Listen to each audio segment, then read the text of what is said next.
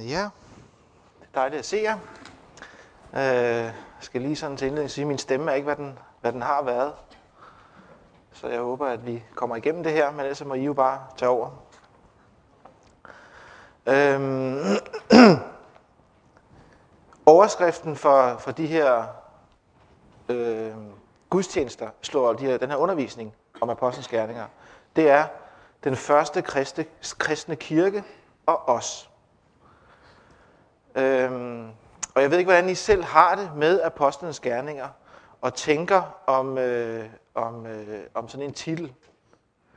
Men jeg tror nogle gange, at når vi, når vi læser apostlenes gerninger, og, og sådan øh, bevæger os øh, i, de, i, i, i det skrift, så tror jeg, vi får sådan en fornemmelse af, eller får sådan en tanke, at det er, sådan, det er lidt glansbilledet. Det er lidt sådan øh, øh, uvirkeligt. Og det er sådan lidt øh, sådan nogle supermænd, der render rundt i apostlenes gerninger. Sådan nogle supermænd, der kan klare det hele. Og sådan noget med, at øh, det var den gang, hvor kirken den sådan kørte i olie, og der bare var succes og fremgang, og, og, og alt gik, som, som det var planlagt. Jeg ved ikke, om I kender den sådan fornemmelse, når man snakker om apostlenes gerninger. Men, øh, men øh, der er en grund til, at vi har kaldt det den første kirke og os. Og øh, om ikke før i gennemgangen af apostlenes gerninger, så, øh, så tror jeg i hvert fald i dag, at det vil blive klart, at apostlenes gerninger er ikke bare sådan et øh, glansbilledagtigt øh, utopia, som, som ligesom er, er, er, er sat i Bibelen, for at vi sådan har et eller andet at stræbe hen imod, for at vi har nogle supermænd og, og, og, og ønsker os, bare vi dog kunne komme derhen. Men vi skal se, at apostlenes gerninger handler om mennesker på godt og ondt, som Gud han bruger. Og øh, for min egen del i hvert fald, og jeg håber også, det bliver sådan for jeres del, så, øh, så da jeg læste de her to kapitler øh, og beskæftigede mig lidt med dem, så fandt jeg ud, så krakelerede det der glansbillede. Og så synes jeg, at det øh, pludselig fik rigtig kød og blod. Og jeg håber, I kan få den samme oplevelse øh, af de her to øh, kapitler i Apostlenes Gerninger. Og så er det klart, at øh, så kunne vi godt, så kunne jeg godt øh, øh, have lavet at forberede noget overhovedet, så kunne vi bare sådan begynde at læse dem stille og roligt igennem, og så var den halve time gået. Øh, men, men jeg har, har lyst til måske at knytte nogle kommentarer til. Og derfor så vil jeg meget gerne sådan opfordre jer til, også de gange I måske ikke har været her, måske prøve at læse øh, teksten, når I kommer hjem. Prøv at dykke ned i nogle af de øh, øh, ting, der nu er, og få det læst i sammenhæng. For det er klart, når vi skal igennem to kapitler, og det har vi gjort for, at vi ligesom kommer ud over stepperne, så når vi ikke at, at, at kunne læse det hele op og kunne få det hele med. Så øh, der bliver også sådan lidt, lidt hjemmearbejde og lidt, lidt selvreflektion over det. I kapitlerne op til kapitel 15, der har vi hørt, hvordan øh, øh, disciplene hvordan, og apostlene de har gået rundt og forkyndt og alle de ting, der er sket. Når vi så kommer til kapitel 15, så hører vi om, at øh, situationen er jo den, som jeg også hørte sidste gang, at, at øh, øh, Paulus og, og, øh, og Barnabas, de er i Antiochia. Og, øh, og, og, og, og der kommer nogen ned fra Judæa til Antiochia. Og så siger de til de her hedningekristne, at hvis ikke, vers 1 i kapitel 15, hvis ikke I omskæres efter Moses skik, kan I ikke blive frelst. Der kommer altså nogle jødekristne ned og siger til, til de her, øh, det, det, det er meget fint, at I er blevet kristne, men hvis ikke I leger omskærer og ligesom overholder Moseloven og dens forskrifter, så kan I ikke blive frelst. Og, øh, og det er klart, at øh, øh, det bliver der ballade om. Hvad er det nu, de her folk kommer og siger? Hvis I læser vers 2, det fører til strid og ikke så lidt diskussion mellem Paulus og Barnabas og disse folk. Der var ikke så lidt gang i den. Der var ikke så lidt diskussion over det her. Skal man, for at være rigtig kristen, skal man så lade sig omskære og, og overholde Moselov? Og øh, det diskuterer man altså frem og tilbage og skændes vildt og inderligt, om det her forholder sig sådan. Så vælger man at sende en øh, delegation ned til Jerusalem, for der at tage det her spørgsmål op. Hvordan forholder det sig med at være kristen? Er det nok at være kommet til tro på evangeliet? Eller er der ligesom nogle ting, som skal overholdes, for at man ligesom kan regne sig øh, for et Guds barn? Øhm, og vi hører senere igen, øhm, at de fortæller om, hvad, hvad der, Paulus og Barnabas fortæller, hvad der er sket på alle de her ting, som vi har hørt forud. Og så er der nogle af de her øh, troende fra det farisæiske parti, som siger, man bør altså omskære hedningerne og pålægge dem at holde Moseloven. Det er ligesom et minimum, vi må kræve af hedningerne, der er kommet til tro. I vers 7, så hører vi igen, efter megen diskussion rejste Peter sig og sagde. Altså, det er meget rart, synes jeg, at høre, at det, det, dengang var det altså ikke bare sådan, at øh, så var man enige om det hele, og så gled det bare. Men man diskuterede de her sager. Man tog, tog fat på dem og sige, vi er nødt til at finde ud af, hvad er det rigtige i det her spørgsmål. Efter meget en diskussion, så trådte Peter frem øh, og sagde, vers 7, Brødre, I ved, at Gud for længe siden blandt jer udvalgte mig, for at hedningerne af min mund skulle høre evangeliets ord og komme til tro. Og Gud, som kender hjerterne, har bekræftet det ved at give dem helligånden, ligesom os. Og han har ikke gjort forskel på os og dem, i det han har renset deres hjerter ved troen. Hvorfor udæsker I da Gud ved at lægge et å på disciplenes nakke, som hverken vores fædre eller vi har magtet at bære? Men vi tror, at vi bliver frelst ved Herren Jesu nåde på samme måde som de. Peter han rejser sig efter, de har diskuteret, og så er det, han gør det klart. Hvad er det, der er det rigtige i det her spørgsmål?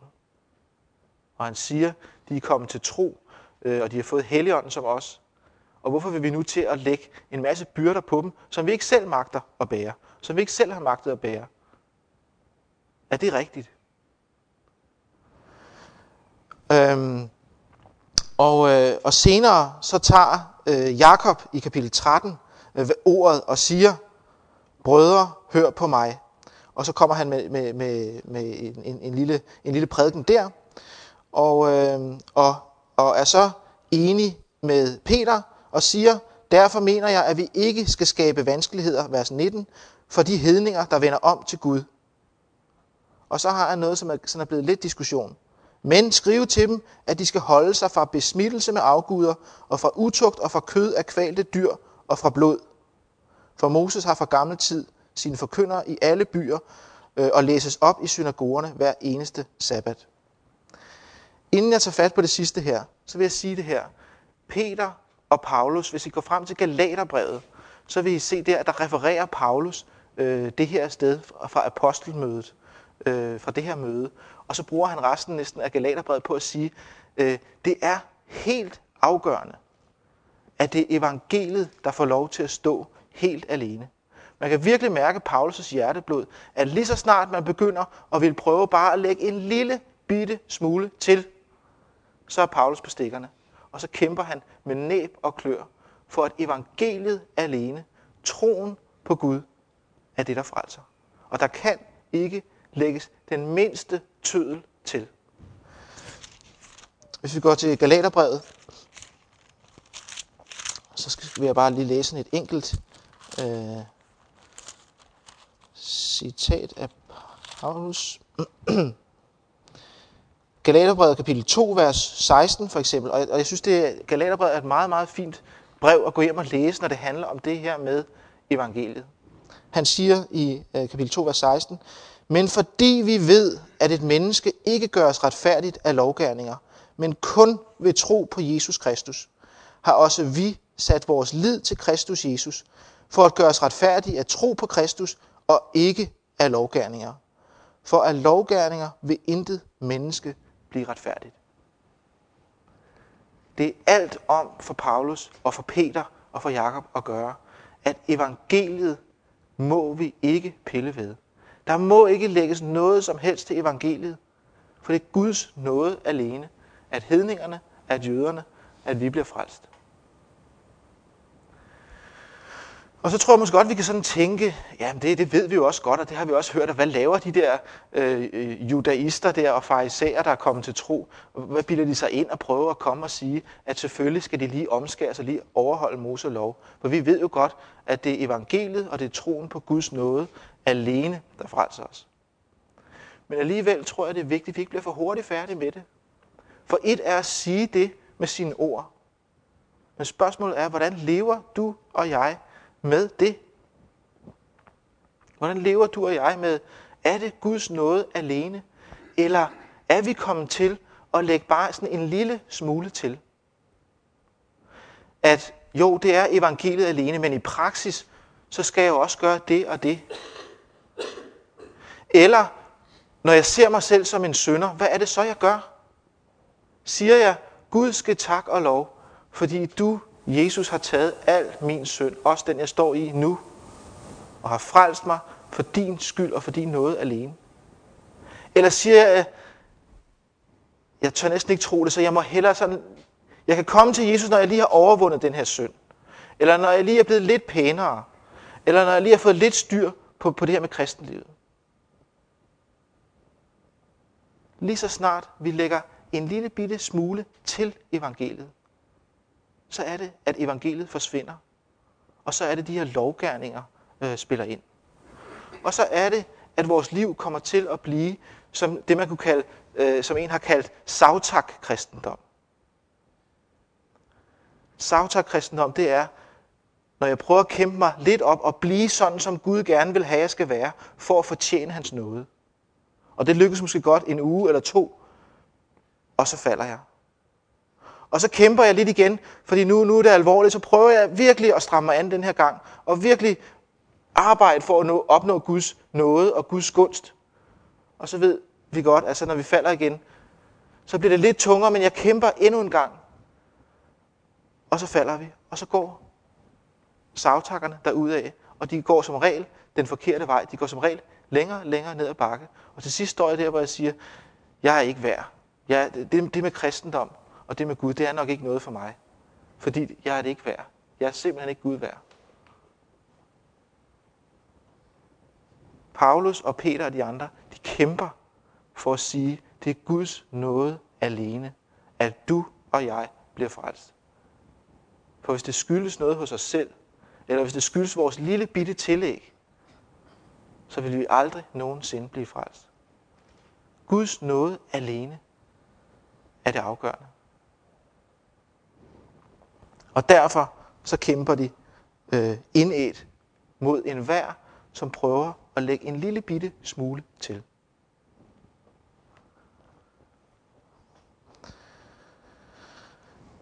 Så har der jo været en del diskussion med de her vers, vi læste til sidst. Hvis det er sådan, som de siger, hvorfor er det så, at de siger til sidst, men der er alligevel et, nogle, nogle, nogle regler, som de alligevel sådan skal prøve at, at, at overholde. Var vi ikke lige blevet enige om, at der er ikke nogen regler. Det er kun Guds nåde. Og det har man, har man debatteret lidt.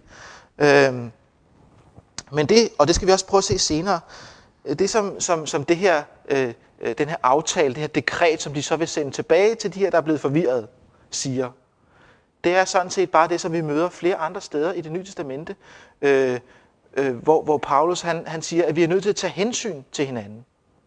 Og derfor, for at kløften mellem de her sociale og, og, og, og, og, rituale ting øh, ikke bliver for stor, fordi det virkelig var en, en overskridelse for en rettroende jøde at skulle have fællesskab med en hedning, så siger de til dem, for, for, for, for at det her sådan, skal kunne lykkes i praksis, så, så overhold de her få forskrifter, sådan så at, at mødet mellem jer kan lykkes. Som man ser i 1. Korintherbrev, øh, kapitel 8, der hører vi der om, om, øh, om, øh, om augustofferkød, hvor, hvor der bliver diskuteret, kan man tillade sig at spise augustofferkød, som har været offer til afguderne. Og nogen siger, ja, det kan man sagtens, fordi der findes, det er Gud alene, som vi står til ansvar for. Og andre siger, nej, hvis det har været i besmittelse med afguderne, så er vi nødt til at holde os fra det. Så formaner Paulus os til at tage hensyn til hinanden. Og hvis en bror bliver lidt, øh, lidt, øh, lidt til synd, eller, eller, eller, øh, så, så, så må vi afholde os fra det. Og det er lidt den samme øh, kontekst, det skal forstås i. At Peter og Paulus gør det helt klart, det er evangeliet alene, og de skal ikke omskæres. Men for at den fredelige sameksistens kan fungere, så er de nødt til at, at prøve at overholde de her ting, sådan så det ikke går helt øh, øh, i stykker, og, og sådan så en, at samtalen ikke bliver helt umulig. Ja, og det, øh, det øh, skriver de så ned på et, et, øh, et stykke papir, som de sender dem tilbage med, og prøver at læse det her op og sige, det er sådan her, at vi er blevet enige om, og apostlene i Jerusalem osv., øh, at det er det, der skal gælde i Guds menigheder. Så hører vi om, at, at, øh, øh, at det bliver til glæde, og det bliver til, til opmundring øh, for dem og formaning. Er der nogen en hurtig kommentar til det her?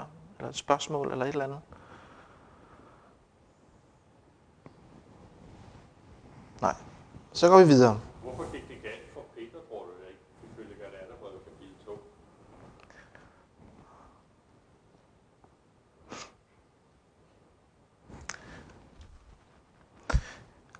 Ja, men, men, men jeg tror vel, det er, det er en, en, en, en så menneskelig ting i virkeligheden, at han, øh, at han øh, Øh, øh, at der er tale om det her med, at han først spiser sammen med dem, men så bliver han opdaget, øh, og så, så for at tækkes jøderne, så siger han, så må jeg hellere skynde mig lidt væk. Så jeg, jeg tænker, at det er en, en så menneskelig ting, at han sådan øh, øh, pludselig, jeg tror måske også, at vi selv kender det, at noget vi, vi, vi, vi gør, øh, som, som vi faktisk har det godt med at gøre, men pludselig så kommer vores svigermor, eller farmor, eller mor og far, eller, andet, og så tænker uha nej, øh, jeg ved, at de bliver ked, så jeg må hellere, øh, sådan opfatter jeg det egentlig lidt, Øh, at, at, Peter, at det er en menneskelig øh, reaktion, som gør, at han, at han pludselig øh, øh, vender om, øh, når, når, når der kommer nogen, som han ved, åh, oh, oh, nu er der problemer, så nu må jeg hellere tage mig væk. Men jeg ved ikke, hvad du selv tænker.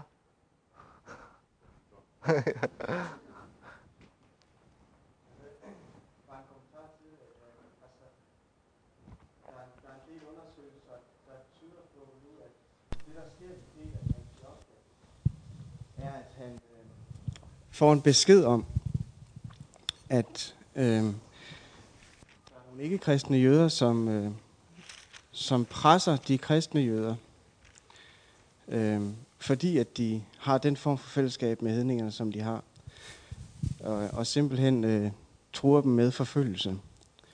Og det Peter øh, ønsker, når han trækker sig tilbage i Antiochia, det er ikke på nogen måde egentlig at tvinge hedningerne. Den der tvang, som Paulus taler om i Galaterbrevet, er af en slutning, som, øh, som hedningerne drager fra Peters handlemåde. Øh, men det, der er Peters ønske, er sådan set bare at, øh, at vise, at han lever sådan, som en jøde bør leve, øh, sådan så at det ikke skal øh, få ikke-kristne jøder til at forfølge de kristne jøder. Så det, det er det er temmelig alvorlige ting, der gør, at han egentlig trækker sig tilbage. Det, det handler om, øh, om hardcore forfølgelse af brødre og søstre, man ønsker at undgå. Så det, altså, man kan godt forstå hans svaghed.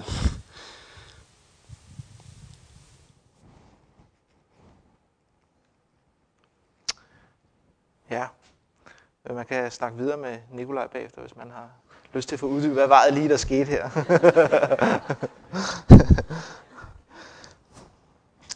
så er det, at glansbilledet så går i stykker her efter de her vers.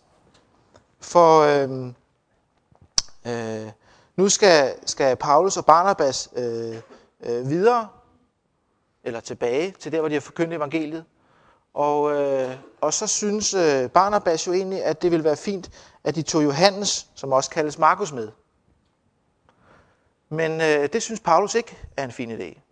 For Johannes har tidligere været med, og, øh, og der forlod han dem bare øh, og tog tilbage til der, hvor de tog afsted. Og øh, min sandt, om vi ikke kan læse i vers 39, det førte til bitter uenighed, så deres veje skiltes. På en eller anden måde, så, så, så synes jeg, at det er dejligt, at sådan noget står der. For det viser, at Bibelen er ikke bare fantasi og opdækning, men at den så godt tør sige sandheden. Også når, når sandheden måske øh, synes at være, hvor vi bliver overrasket, jamen, kunne, øh, kunne, kunne, kunne de her ikke engang enes? Så var de altså mennesker af kød og blod. Og det fører til, at deres veje skilles, og, øh, og, og, og, og, og, de, de fortsætter øh, hver for sig. Man kan så senere læse, at, øh, at det her brud øh, nok ikke er, er, er sådan øh, øh, øh for altid, og at, at, det er sådan et hadbrud, som aldrig nogensinde øh, bliver, bliver, bliver oprettet. Vi læser senere i Kolossenserbrevet, i brevet til Filemon, i 2. Timotius brev, at Paulus faktisk rosende omtaler Johannes. Men der bliver altså en uenighed her, hvor de, hvor de må skilles, for de kan ikke komme til enighed. Så derfor så, så, så lærer vi i hvert fald hele vejen igennem, at der bliver uenighed også mellem kristne, fordi vi er syndere. Og det drejer sig for det første om, at vi tør, tør tale om uenighederne. Der er ikke noget kristligt i at prøve at, at begrave det ned og sige, nu prøver vi bare at smile til hinanden og lade som om alting er godt. Men vi er nødt til at tage fat på problemerne. Prøve at løse dem. Og så er der nogle gange, hvor det lykkes os at, at, at få løst dem. Og der er andre gange, hvor, hvor vi må skilles i fred og sige, Gud velsigne dig, øh, og så gør det, som vi hver især øh, har tro på og mener er rigtigt. Men det er helt afgørende, at vi tager fat på problemerne. At vi ikke i en eller anden kristelig fromhed prøver at skubbe dem ind under gulvtæppet øh, og, og, og, og tro, at det er meget, meget fromt at gøre det, og så gå og, og, og skumle inden bagved.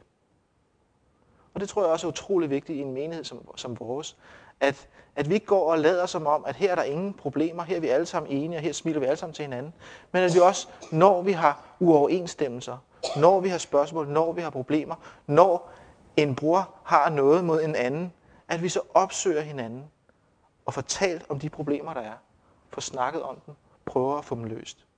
Det er helt afgørende, øh, hvis vi skal opleve et sandt og et åbent og et ærligt fællesskab. Ja. Øhm. Så hører vi noget i kapitel 16. Noget meget overraskende. Fordi øh, Paulus øh, kom også til Derbe og Lystra, og se, der var en disciple ved navn Timotius, som var søn af en troende jødisk kvinde og en græsk far. Timotius var velanskrevet hos brødrene i Lystra og Ikonien. Ham ville Paulus gerne have til at rejse med sig, så han omskar ham af hensyn til jøderne i de egne, for alle vidste, at hans far var græker. Det virker jo fuldstændig rundt på gulvet, det her. Ikke? Nu har de lige stået og diskuteret i Jerusalem, stolper op og stolper ned, og nærmest øh, tæsket hinanden, at der skal ikke omskæres nogen som helst her, for det er evangeliet alene. Og det næste, han far ud og gør, det er, at han omskærer øh, en disciple. Man tænker bare, altså, har han, hvad, hvad, har han sovet i timen, eller hvad, hvad, har han ikke fattet, hvad det handler om der? Men jeg synes, det er et meget godt eksempel på at se, når det handler om evangeliet, så har Paulus knivskarp. Der må ikke lægges noget til evangeliet. Og hvis nogen siger, at man skal have rødt hår for at blive frelst, eller man skal omskæres, eller man skal gøre dit eller det, det, det her tillæg, så vil han bekæmpe det med hård hånd. Grunden til, at han så omskærer øh, øh Timotius her, det er ikke, fordi han nu pludselig har ændret holdning. Men det er en helt anden årsag. Det er netop det samme som også med de her besmittede dyr og blod osv. Det er, at han kan se, der bliver rigtig mange problemer, hvis jeg skal have Timotius med rundt og skal forkynde evangeliet, hvis han ikke er omskåret. Så vil de overhovedet ikke høre på os. Så han vælger faktisk at, at, at, at, at, at øh, gå meget langt for, at de her mennesker overhovedet kan høre evangeliet. Og det synes jeg er meget, meget bemærkelsesværdigt øh, at se, hvor, hvor langt Paulus, og i det her tilfælde Timotheus, som det går ud over, han har sagt, øh, øh, hvor langt de er villige til at gå, for at mennesker må høre evangeliet. Og det synes jeg er, er, er, er tankevækkende for mig. Nu ved jeg ikke, hvor mange af jer, der har, har lyst til at lave lidt jødemission her bagefter af herrene, men, men, øh, men det kan vi så snakke om bagefter. Morten, kan vi Morten svinger kniven bagefter. Men, men, men øh, det, det handler om, det, det handler om, det er et spørgsmål om, hvor meget er jeg villig til at ofre, for at dem, jeg er sammen med, kan høre evangeliet. Tænker jeg om det at være kristen, om det at være kirke, Altså, hvis de vil høre evangeliet, så må de jo komme her, og så må de jo sætte sig ind i, hvad det handler om, og så må de forstå det, og så må de jo, jo tilpasse øh, mig, den måde, jeg er, og den måde, jeg gør det på. Øh, og, og, og ellers så er det ikke mit problem. Eller har jeg den kærlighed til evangeliet og til de mennesker, jeg går iblandt, at jeg er villig til at ofre for deres skyld? Jeg, var, jeg, var, jeg har lige været i Norge, som, øh, som nogle af jer ved, og øh, der snakkede jeg med, med, en, øh, øh med en præst, ham som er præst, Otvar Søvik. I kommer alle sammen til at lære ham at kende senere. Fordi han kommer og taler på vores weekendlejr, som er den anden weekend i september. Øh, han fortalte, at han på et tidspunkt var i en menighed, øh, eller et bedehus, et missionshus, hvor der så var, var, var sådan en gruppe af, af, af unge mennesker, som nu synes det var sjovt at spille musik og, og, og optræde osv. Og han, han er sådan en rimelig åben person. Han sagde, det var måske øh, så meget bon, bingo bongo og, og, og gang i den, at selv han synes, nu, nu var det måske sådan lige, øh, øh lige, øh, lige nok. Så, sad, så, så, så så han sådan et par ældre, mænd, et par ældre damer, der sad over på, på, på, på, på en række her ved siden af, mens de her unge mennesker, de stod og, og, og, og, og troede, at de var heavy metal stjerner eller et eller andet. Så så han, der sad sådan et par gamle damer, som sad sådan og smilede lidt. Det kunne han jo ikke helt forstå. Så han gik over bag, bagefter, så spurgte han, sig mig, øh, øh, jeg, jeg, så, jeg så især smilede til det her, kan I godt lide den her musik? Så sagde de her gamle damer, nej, vi forstår ikke den der musik. Vi forstår ikke, hvad de synger. Vi forstår ikke, hvad de gør. Og vi kan slet ikke lide det. Men hvis du ser de der to piger, der står ude på fløjen, det er dem, vi har bedt for i overvis. Og nu står de deroppe og synger. Så gør det ikke så meget for os, at vi ikke kan lide musikken, at vi ikke fatter, hvad de synger om, og at vi ikke kan forstå det hele. Fordi vi kan se de der to, som vi har bedt for, øh, at de står deroppe og, og, og, og synger og, og er kommet til tro på Gud. Det synes jeg er fantastisk, for det viser noget af det samme som Paulus, at de her, de, var ikke, de sagde ikke, at alle skal være som os, og hvis de ikke vil være som os, så må de finde et andet sted, eller så må de øh, beskæftige sig med noget andet. De var villige til at ofre deres gode smag og rygte og, og, og, og, og tinnitus og hvad ved jeg, øh, for, fordi de så, at der var noget, der var større. Og det er lige præcis det, som vi ønsker her i kirken. Vi er villige til at gå lige så langt det skal være, for at dem, som vi holder af, dem, som vi kender, som ikke kender Gud, at de kan høre, hvad vi siger. At de kan forstå det, vi siger. For at de må komme til tro på Jesus og få evigt liv. Det er det, der har været fundamentet helt fra starten i Københavnerkirken. Og det er det, der vil blive fundamentet i Københavnerkirken, øh, indtil Københavnerkirken bliver lukket, eller Jesus kommer igen, eller hvad der nu sker. øh, vi er villige til at ofre. Vi er villige til ikke at sidde med armene over kors og sige, sådan vil jeg have det, og hvis ikke du kan forstå det, så må du finde noget andet. Vi er villige til at gå lige så langt det skal være, for at mennesker må høre evangeliet og må komme til tro.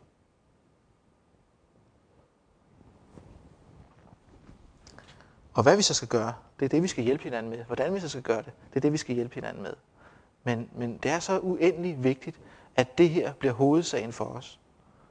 At så langt er vi villige til at gå. Og så kan det godt være, at det kun er Morten, der er, er, er frisk her på, på jødemissionen, men øh, så må vi andre så finde noget, som vi synes er mere behageligt. ja. Øhm. Noget af det, jeg kunne sige, når, man, når, I, når I nu kommer hjem og læser de her øh, tekster igennem, det er så, at vi flere gange hører, at Helligånden bliver nævnt. At Helligånden spiller en rolle øh, for de her folk. Øh, så vi hørte i, i kapitel 15, vers 8, Gud, som kender hjerterne, har bekræftet det ved at give dem Helligånden, ligesom os. Eller i kapitel 16, vers 6, da de rejste, øh, de rejste gennem Frygien og det galatiske land, da de af Helligånden var blevet hindret i at tale ordet i provinsen Asien. Og da de kom hen i nærheden af Mysien, forsøgte de at rejse til Bithynien, men det tillod Jesu ånd dem ikke. Og senere i samme vers, så hører vi om, at Paulus har et syn. Og om natten havde Paulus et syn. Der stod en mand fra Makedonien og bad ham, kom over til Makedonien og hjælp os. Da han havde haft det syn, forsøgte vi straks at rejse til Makedonien, for vi forstod, at Gud havde kaldet dem til at forkynde evangeliet for dem. Vi hører hele tiden om, at, at, øh, at Helligånden spiller en stor rolle. At Gud griber ind. At Gud omvender mennesker. Men han også giver Paulus et syn, og at Helligånden leder dem til, i dag skal vi altså ikke derover. Det, det, det tillod lod ånden dem ikke.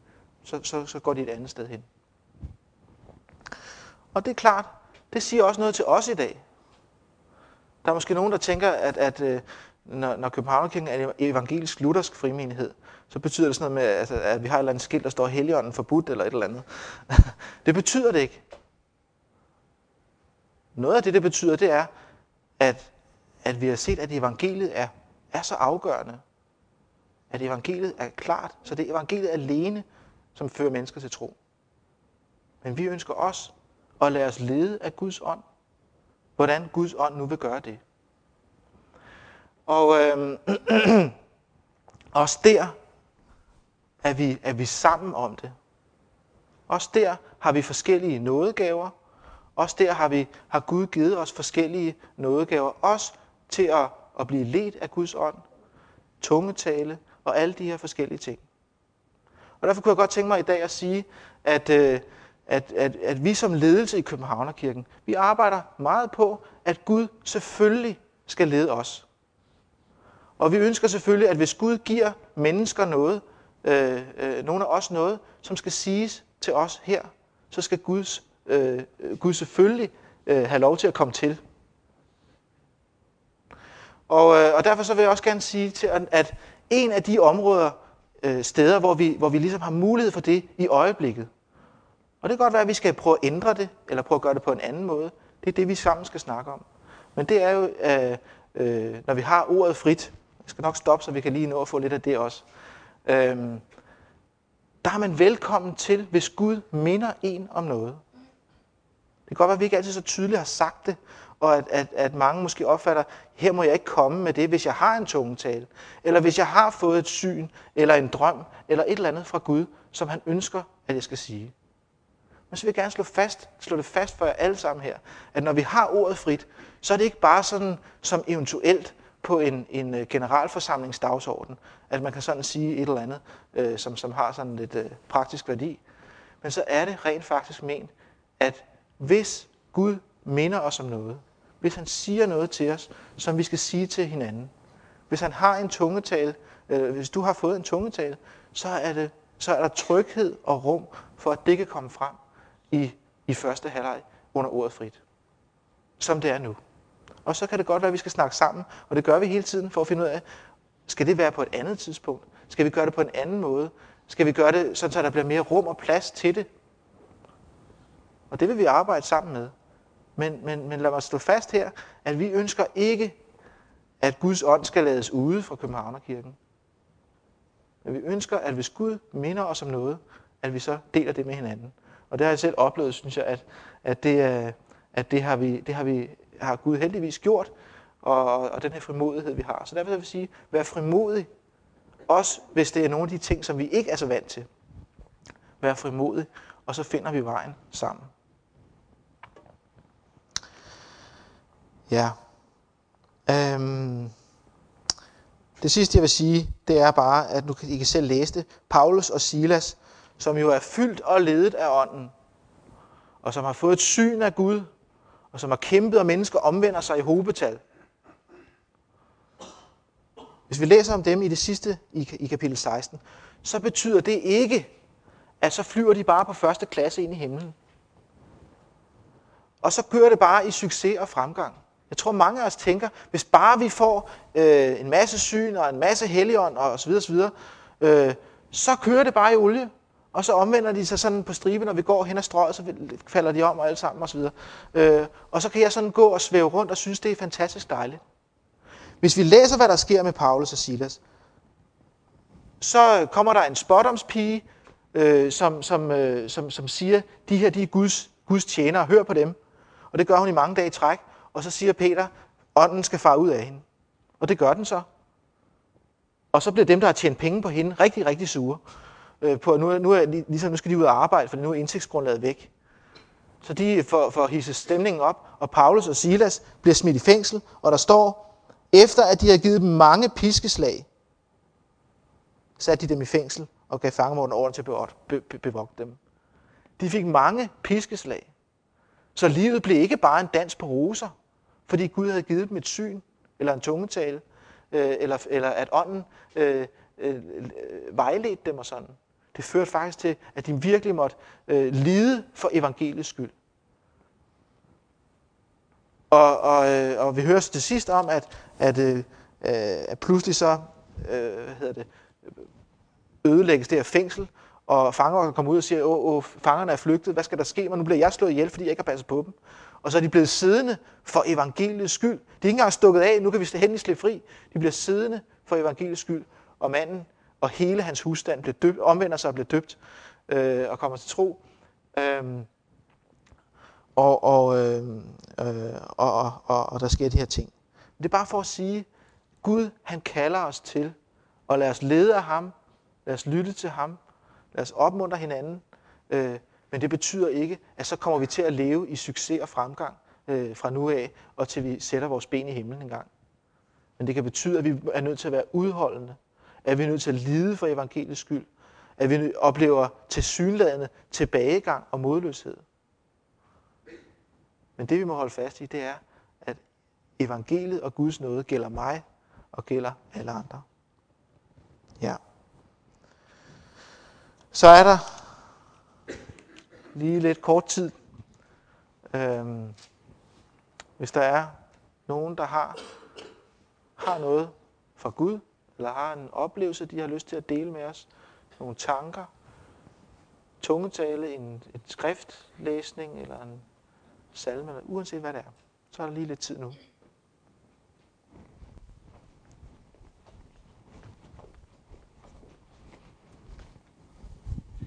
Ja, som nogle af jer ved, så øh, mistede Elisabeth og jeg vores lille pige, Nana, for snart tre uger siden.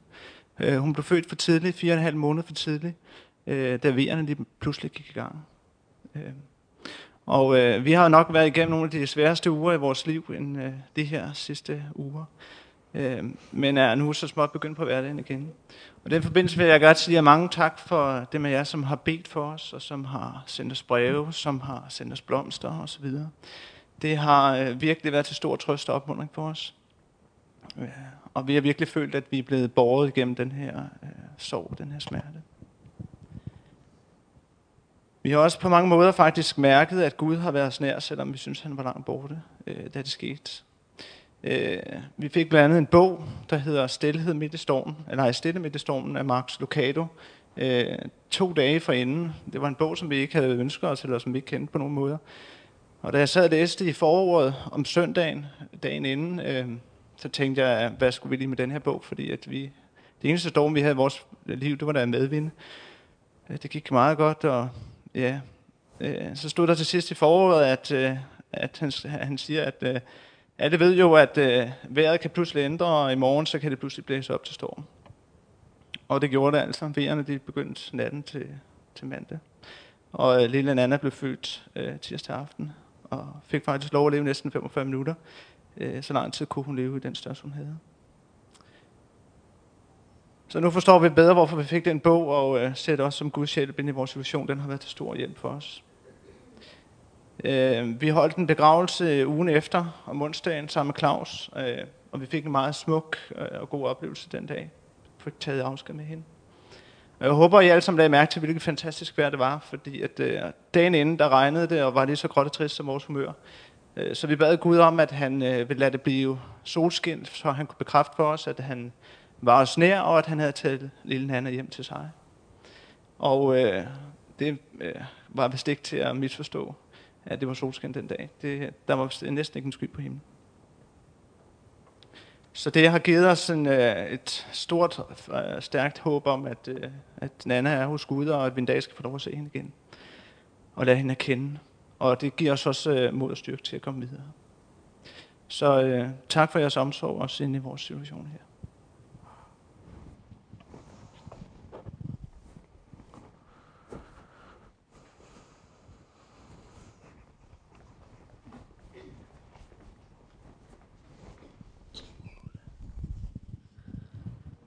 Når nu du siger, Claus, at øh, her, her i Københavnerkirken, der vil vi gå lige så langt, som det skal være, for at vinde mennesker. Så er der altså ingen begrænsninger. Øh, Jeg tænkte bare på, at vi kan gå så langt, at, at øh, jeg kan godt forstå, at du hoster. vi kan gå så langt, at vi øh, forhindrer mennesker i at komme til tro. Det var bare det, jeg tænkte på. Så langt vil vi ikke gå. Det, det, som jeg, det, som jeg vil sige, er, at vi, vi, vi, skal vi vil selvfølgelig tænke os om. Og det gjorde Paulus også. Men den handling, han gjorde med Timotheus, for at de kunne høre evangeliet, og det skal selvfølgelig være for, at de kan høre evangeliet. Og det skal ikke vi skal ikke lave om på evangeliet eller noget. Men det, som jeg siger, det er bare, vi ønsker, at mennesker må komme til tro. Og derfor så gør vi jo allerede i gudstjenesten nogle ting, som nogen vil sige, ej, hvad, skal det nu lige bruges til? Og det gør vi, fordi vi, vi tror, at, at så kan vi nå, så kan de mennesker høre, hvad det er, vi gerne vil sige til dem. Så på den måde er det, at jeg, at jeg mener, at vi vil...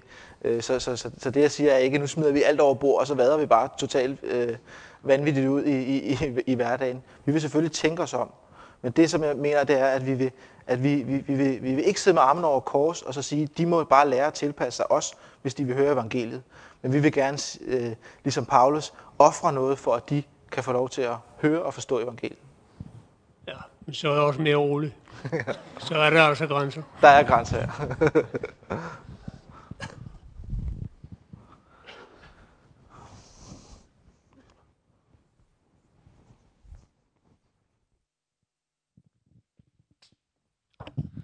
Øh, noget af det, som jeg sætter allermest pris på her øh, i Københavnkirken, er, er ordet frit, som Claus øh, snakkede om.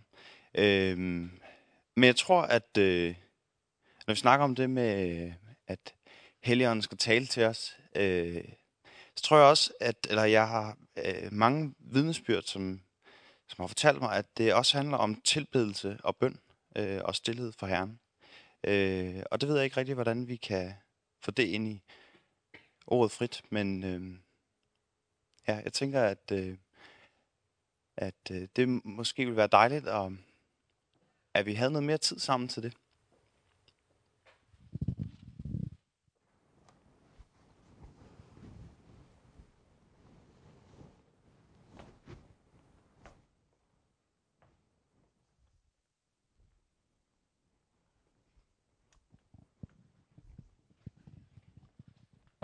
Så er det så, at øh, vi vil opfordre folk til at komme den 12. marts. Der er lige at være tid til, til bøn og stillhed og lovsang og tilbedelse og lytte. Øhm, noget, som har slået mig rigtig meget på, ja, lige på det sidste faktisk, men som er en sådan en proces, der varer et godt stykke tid, er egentlig det, hvor dårlig jeg er til at lytte. jeg har så mange ord, jeg gerne vil sige. Øhm, og ofte kan jeg ikke selv finde rundt i, hvad det egentlig er, jeg vil. Øhm, så det har været meget envejskommunikation med mig og Gud. Og jeg tror virkelig, før vi, vi får lov til at se endnu mere af, hvad det er, så, hvem Gud han er, og hvad han vil os, så skal vi altså lytte. Øhm, og det er, altså helt, det er helt fysisk ved at bruge ørerne. Altså, øh, lukke sin mund, og så bare sidde stillhed. Øhm, ja. Man kan selvfølgelig gøre på mange måder, jo, men, men jeg er bare lige, den 12. marts dukker bare lige op i mit hoved. Jeg tror, at det kom og vær med. Jeg tror, det bliver rigtig godt.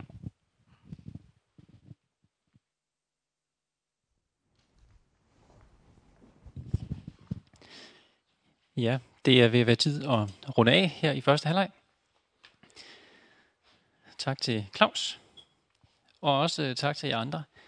Øh, Jeg tror virkelig, at hvis vi skal prøve at hvad skal man sige, tænke offensivt om vores ord frit, det er, øh, som, som Anders også bemærkede, øh, at det er, det er noget af det bedste, øh, som, som han oplever. Og det kan man have det forskelligt med.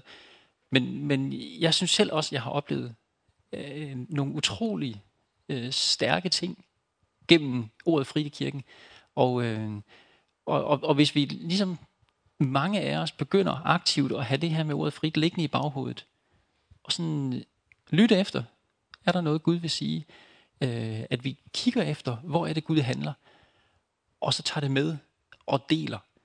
Øh, jeg tror, det kan blive, øh, det kan blive et rigtig, rigtig stærkt øh, element i vores øh, liv sammen som enhed.